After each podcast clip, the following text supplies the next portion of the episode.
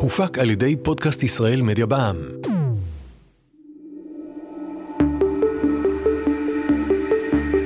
שלום לכם, אתם על מטען חשמלי, הפודקאסט של חברת החשמל. והפעם, אני לא ישן בלילה, חברת החשמל בעולם הסייבר. כמו בכל פרק, נצא יחד למסע בסיפורה של אחת החברות הייחודיות בארץ ישראל ובמדינת ישראל. הסיפור של חברת החשמל מתחיל ברוסיה, בה נולד פנחס רוטנברג, מייסד החברה ומנהלה הראשון. הוא ממשיך בבריטניה ובשנות המנדט הבריטי על ארץ ישראל, ועובר כמובן על גדות נהר הירדן. עליו הקים רוטנברג את מפעל החשמל, שבזכותו הוא כונה הזקן מנהריים. אבל הסיפור הזה לא מסתכם רק בחשמל, והוא נושא איתו עוד מטען גדול, בין אם אלו העובדים שעושים לילות כימים כדי להבטיח לנו חשמל בכל יום ובכל שעה, בין אם זו האדריכלות של מבנה החברה, או מהפכת הגז ואיכות הסביבה, ובין אם זהו העתיד של חברת החשמל, שכבר עכשיו משנה את פניה. שמי יוסף מצ, יחד נצא למסע ברשתות הסייבר שמביאות לנו את החשמל.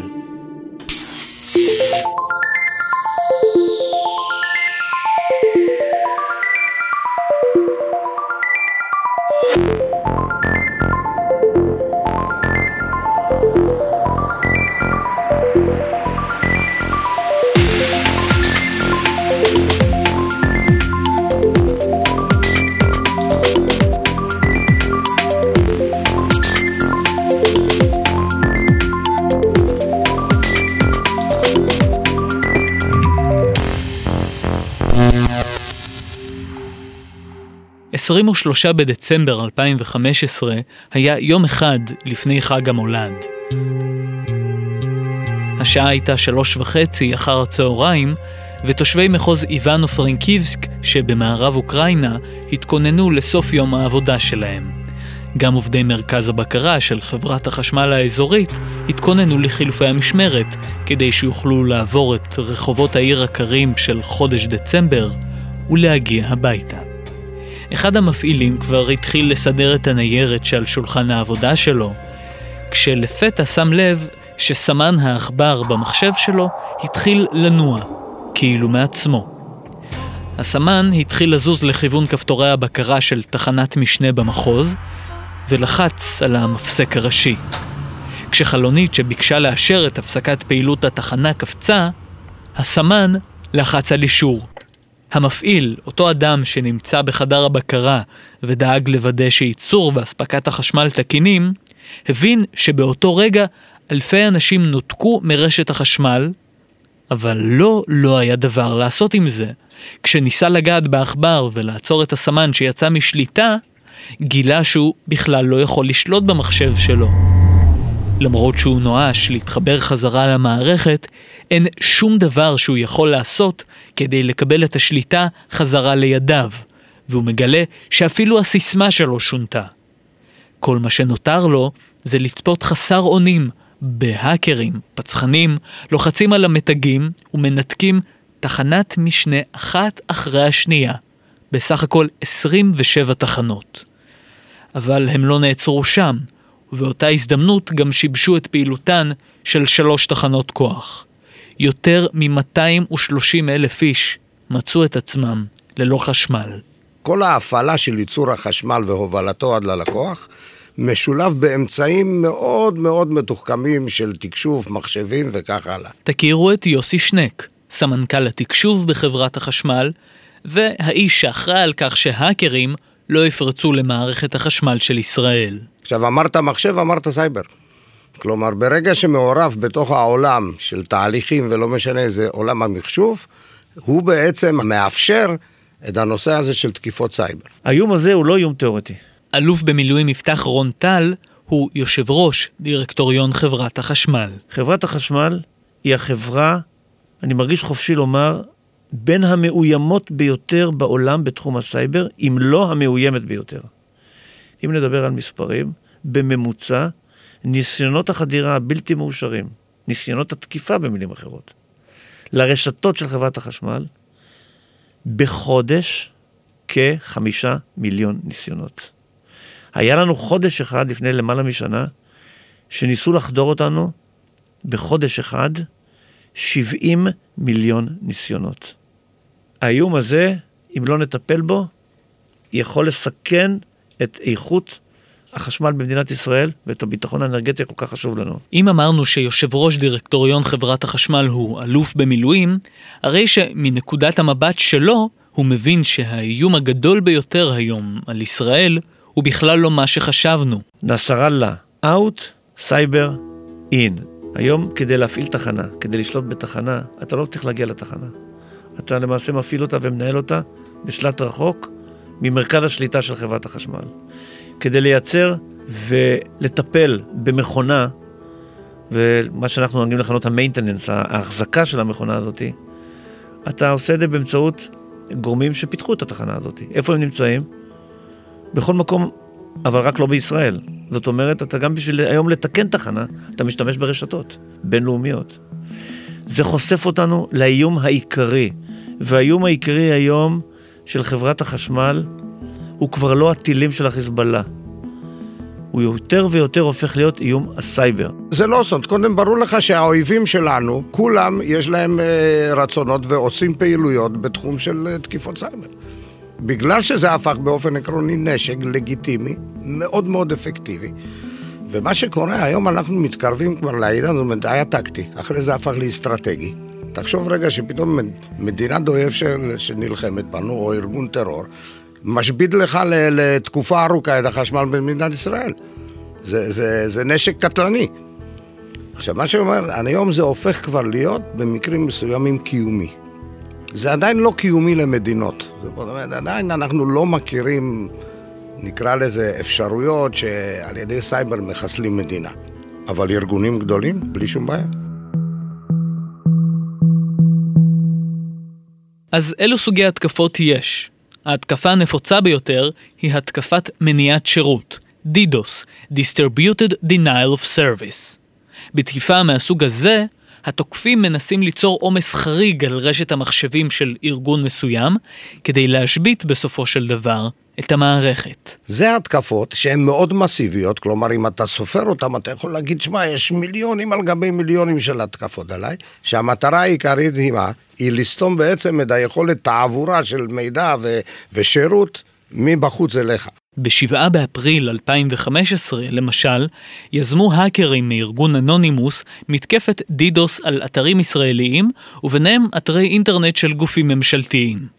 האתרים העיקריים שנפגעו מהתקיפה הזאת היו אתרים קטנים, כמו האתר הרשמי של שלום חנוך, של הדג נחש, וגם אתר איגוד האורולוגים הישראלי. אז זה סוג אחד, הוא כמותי מאוד, אבל אני חייב להגיד, התקפות שהן הפשוטות יותר מבחינתנו.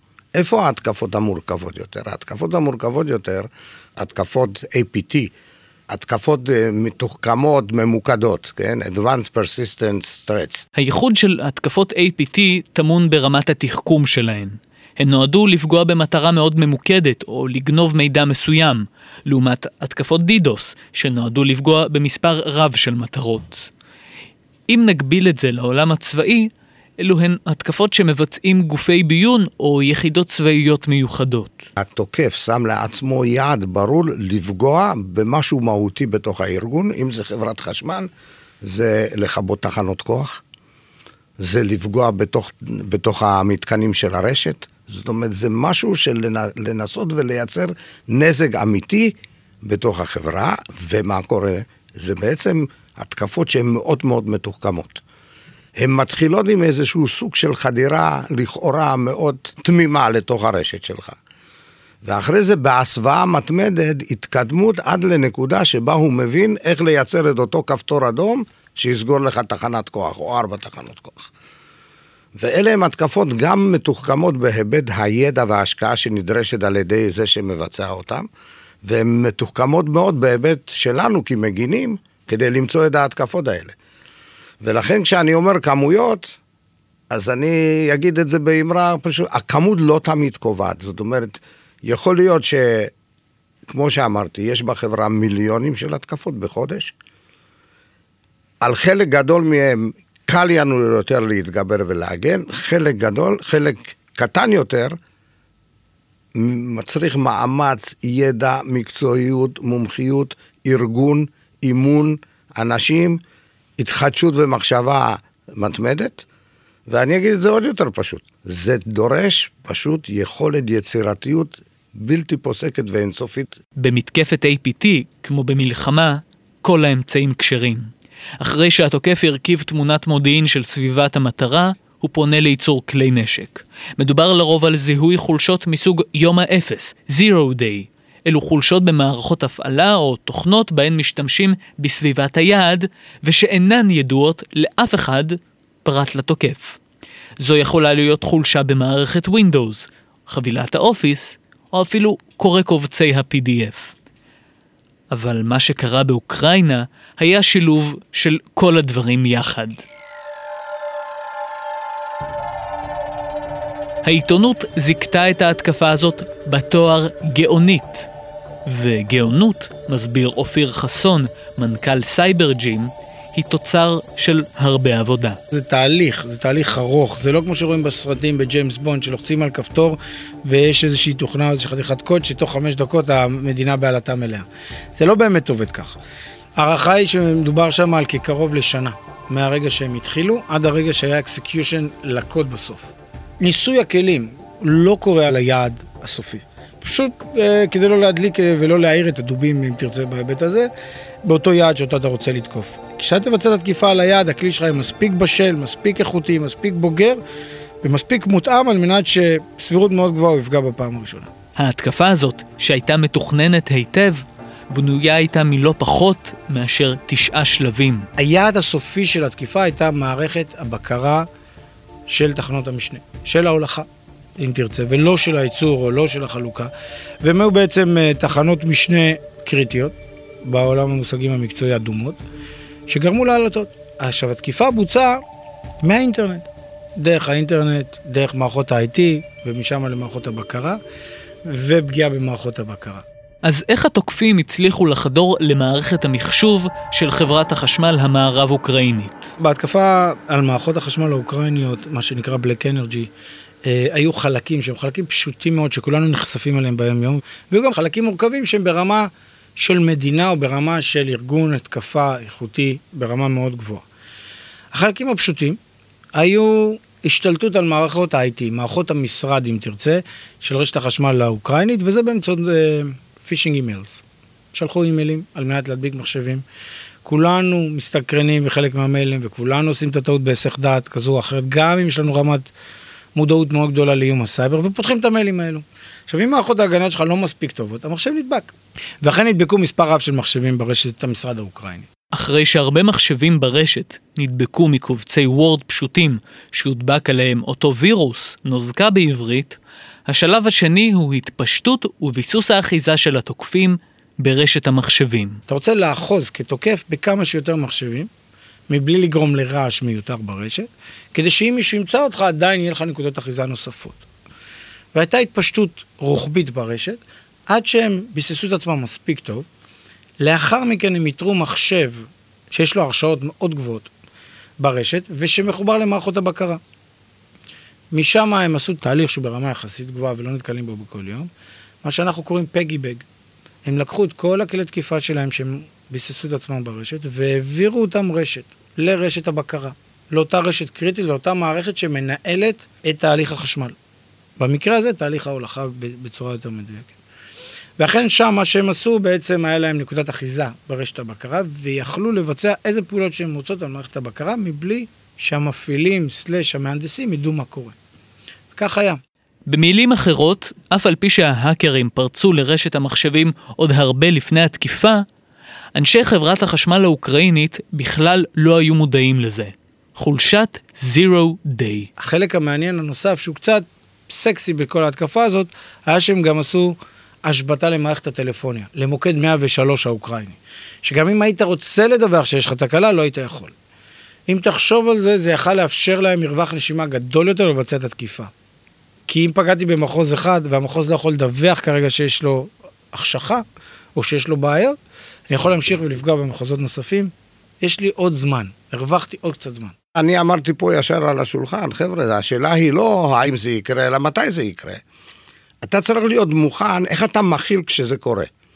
גם אם חודר לארגון תוכנת כופרה, ובוא נאמר שאתה אחרי עשרה מחשבים שהוא מצפין, מצליח לעצור את ההתקפה ולהתגבר, בסדר, אז יש לך נזק מסוים, שזה דרך אגב, בדרך כלל בארגון מסודר נזק של זמן, כי אתה יודע למחוק את כל המחשבים ולשחזר אותם מגיבוי או איזה. אבל תקשיב, יש הבדל בין זה לבין שהכופרה הזאת מצליחה להתפשט על כל מחשבי הארגון, על אלפי מחשבי ארגון, אז זה כבר היסטוריה אחר. וזה, אנחנו קוראים לזה Game Over. אז איך מתגוננים מפני תקיפות סייבר? יש שלוש דרכים לעשות את זה, והן נורא פשוטות. אחד זה אימון, השני זה אימון, והשלישי זה אימון. זה שלושת הדרכים. אתה חייב לייצר מנגנון אימון מקצועי מתוחכם, ודרך אגב, למי? לכולם. זה לא רק לאנשי הסייבר, זה לא מספיק לי. אני, אני צריך לדעת שהמנכ"ל גם מאומן בסייבר. שנופל לו החלטה על השולחן שנובעת מאירוע סייבר, זה לא יכול להיות שהוא פעם הראשונה פוגש מצב כזה. הקמנו חברה שנקראת סייבר ג'ים, שהיא עוסקת בכל מה שקשור להדרכה, להכשרה, למחקר, לסימולציה, קודם כל ולפני הכל, לצורך ההכשרה של עובדי חברת החשמל, אבל האמת היא שאנחנו גם עושים עסקים מזה. את הידע הזה אנחנו מייצאים לחברות חשמל, לחברות אנרגיה, וגם לחברות תשתית, וגם לחברות אחרות בעולם, ונעשה גם איזה קצת כסף לטובת אה, עם ישראל, לא יזיק. אנחנו הבנו די מזמן שהאימון או הלימוד הסטנדרטי הוא לא מספיק טוב. מה זה לימוד סטנדרטי? זה לימוד שאתה בא ומכינים קורס ויושבים, ואולי גם יושבים ועושים קצת hands on על כל מיני תרגילים מתוכנתים מראש, זה לא מספיק. זה, זה משהו שהוא טוב לקחת מישהו ולתת לו את הבסיס הראשוני שיבין מושגים, אבל זה לא מכין אותו לכלום. ולכן אמרנו חייבים לייצר מודל שבסופו של דבר יאפשר לאנשים שבאים להתאמן וללמוד להיות כמה שקרובים לסביבה שהם רגילים אליה בארגון, וסביבת האימון תהיה כמה שיותר אמיתית. אנחנו מאפשרים להאקרים עם הרבה מאוד ניסיון ולמגנים להיכנס למתקן פיזי וללכת מכות וירטואליות. ואם ההאקרים מצליחים, אז האפקטים של ההתקפות עצמם בא לידי ביטוי בעולם הפיזי. כך שאתה יכול בעצם לראות נזק לתחנת כוח, נזק למערכת מים, נזק למערכת בנקאית, נזק אמיתי ומוחשי. כשאתה מעביר את זה לעולם הפיזי, וזו הייחודיות בין הדברים המיוחדים בסייבר ג'ים, כשאתה מעביר את זה לעולם הפיזי, אתה יכול להמחיש את זה בצורה טובה יותר. כשמדברים על סייבר, הכלל של כיצד הכי נכון להגן, הכלל הבסיסי הזה, משתנה. במלחמות הקונבנציונליות, ההגנה הכי טובה היא ההתקפה. תתקוף, תאמין לי, תהיה מוגן. בסייבר, אנחנו ממש לא שם. והכלל משתנה ב-180 מעלות. ההגנה הכי טובה בעולם הסייבר היא בראש ובראשונה ההגנה. מסיבה נורא פשוטה. קשה מאוד לדעת, וברוב המקרים לא נדע מי תוקף אותנו. ולכן, תנעל את המערכות שלך, תוודא שלא פורצים אותם, ואם חס וחלילה פורצים, יש לך מספיק מערכות שיבלמו את הפורץ הזה במעלה הדרך, כדי שלא יפגעו במערכות התפעוליות שלך. לחברה בסדר הגודל של חברת החשמל, נדרש גם פתרון גדול יותר, מקיף יותר. מעין סכך אחד שבו ירוכזו כל פעילויות הסייבר של הארגון. לכן כבר ב-2014 השיקו בחברה מרכז ראשון וחדשני מסוגו, חמ"ל הסייבר של חברת החשמל. אנחנו מאוד מאוד גאים בפיתוח של מערכת שליטה שנקראת CSOC, Cyber Security Operational Center, והוא דרך אגב מנטר את כל מערכות התקשורת שלנו 24/7.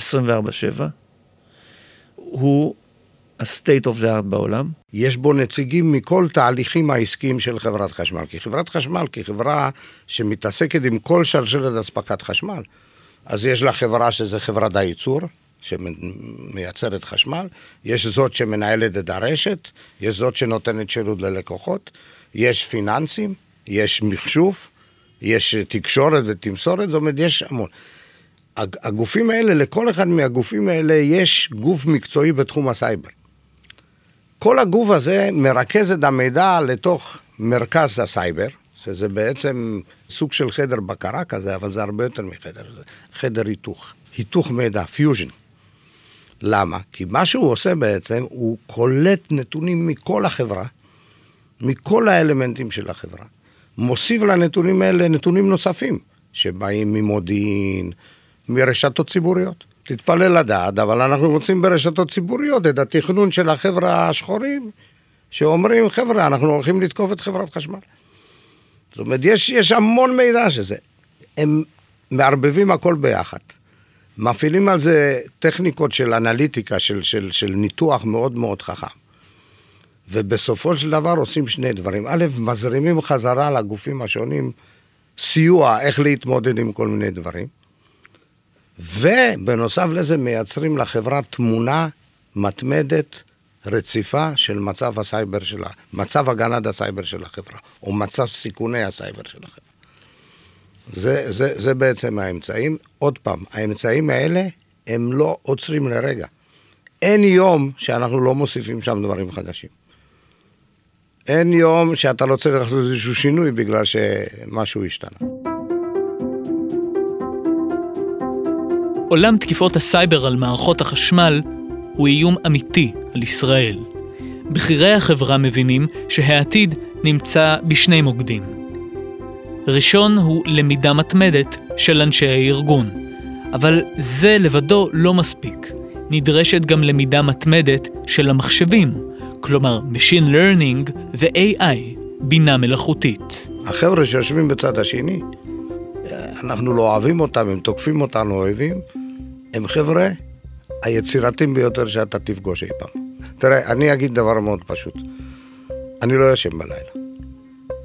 אני מודק, אני מוטרד, ולמרות כל המקצועיות והידע וכל מה שיש לנו, העולם הזה הוא כל כך מורכב, והחבר'ה בצד השני הם כל כך מתוחכמים, שפשוט מאוד לבוא ולהגיד את המילה הזאת, שמע, אני, אני מוגן, אני מצוין, זה, זה פשוט מאוד מישהו שלא מבין על מה הוא מדבר. הדבר החשוב ביותר בהתפתחות הידע בתחום הסייבר הוא איסוף הנתונים.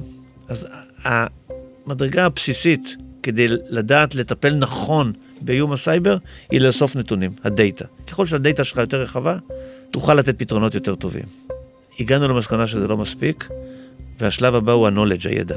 תפתח מתוך הנתונים האלה גם את הידע הרלוונטי. גם זה לא מספיק.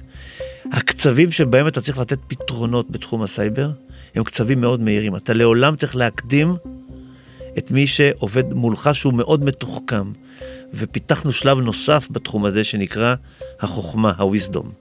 והחוכמה היא למעשה היכולת באמת מהידע הקיים אצלך, שמבוסס על הנתונים שיש לך, ליצור את הדרכים המתוחכמות ביותר על מנת להגיע יותר מהר מהתוקף לפתרונות המתאימים. ואנחנו עושים את זה. תודה למרואיינים שהשתתפו בפרק. האלוף במילואים יפתח רונטל, יושב ראש דירקטוריון חברת החשמל, יוסי שנק ואופיר חסון. עורכת ראשית דליה בודינגר, דוברת חברת החשמל. הפקה דוברות חברת החשמל, כרמל ביטן אלדשטיין ולירון בן יעקב. הפודקאסט הופק על ידי רשת עושים היסטוריה. שמי יוסף מצ. נתראה בפרק הבא.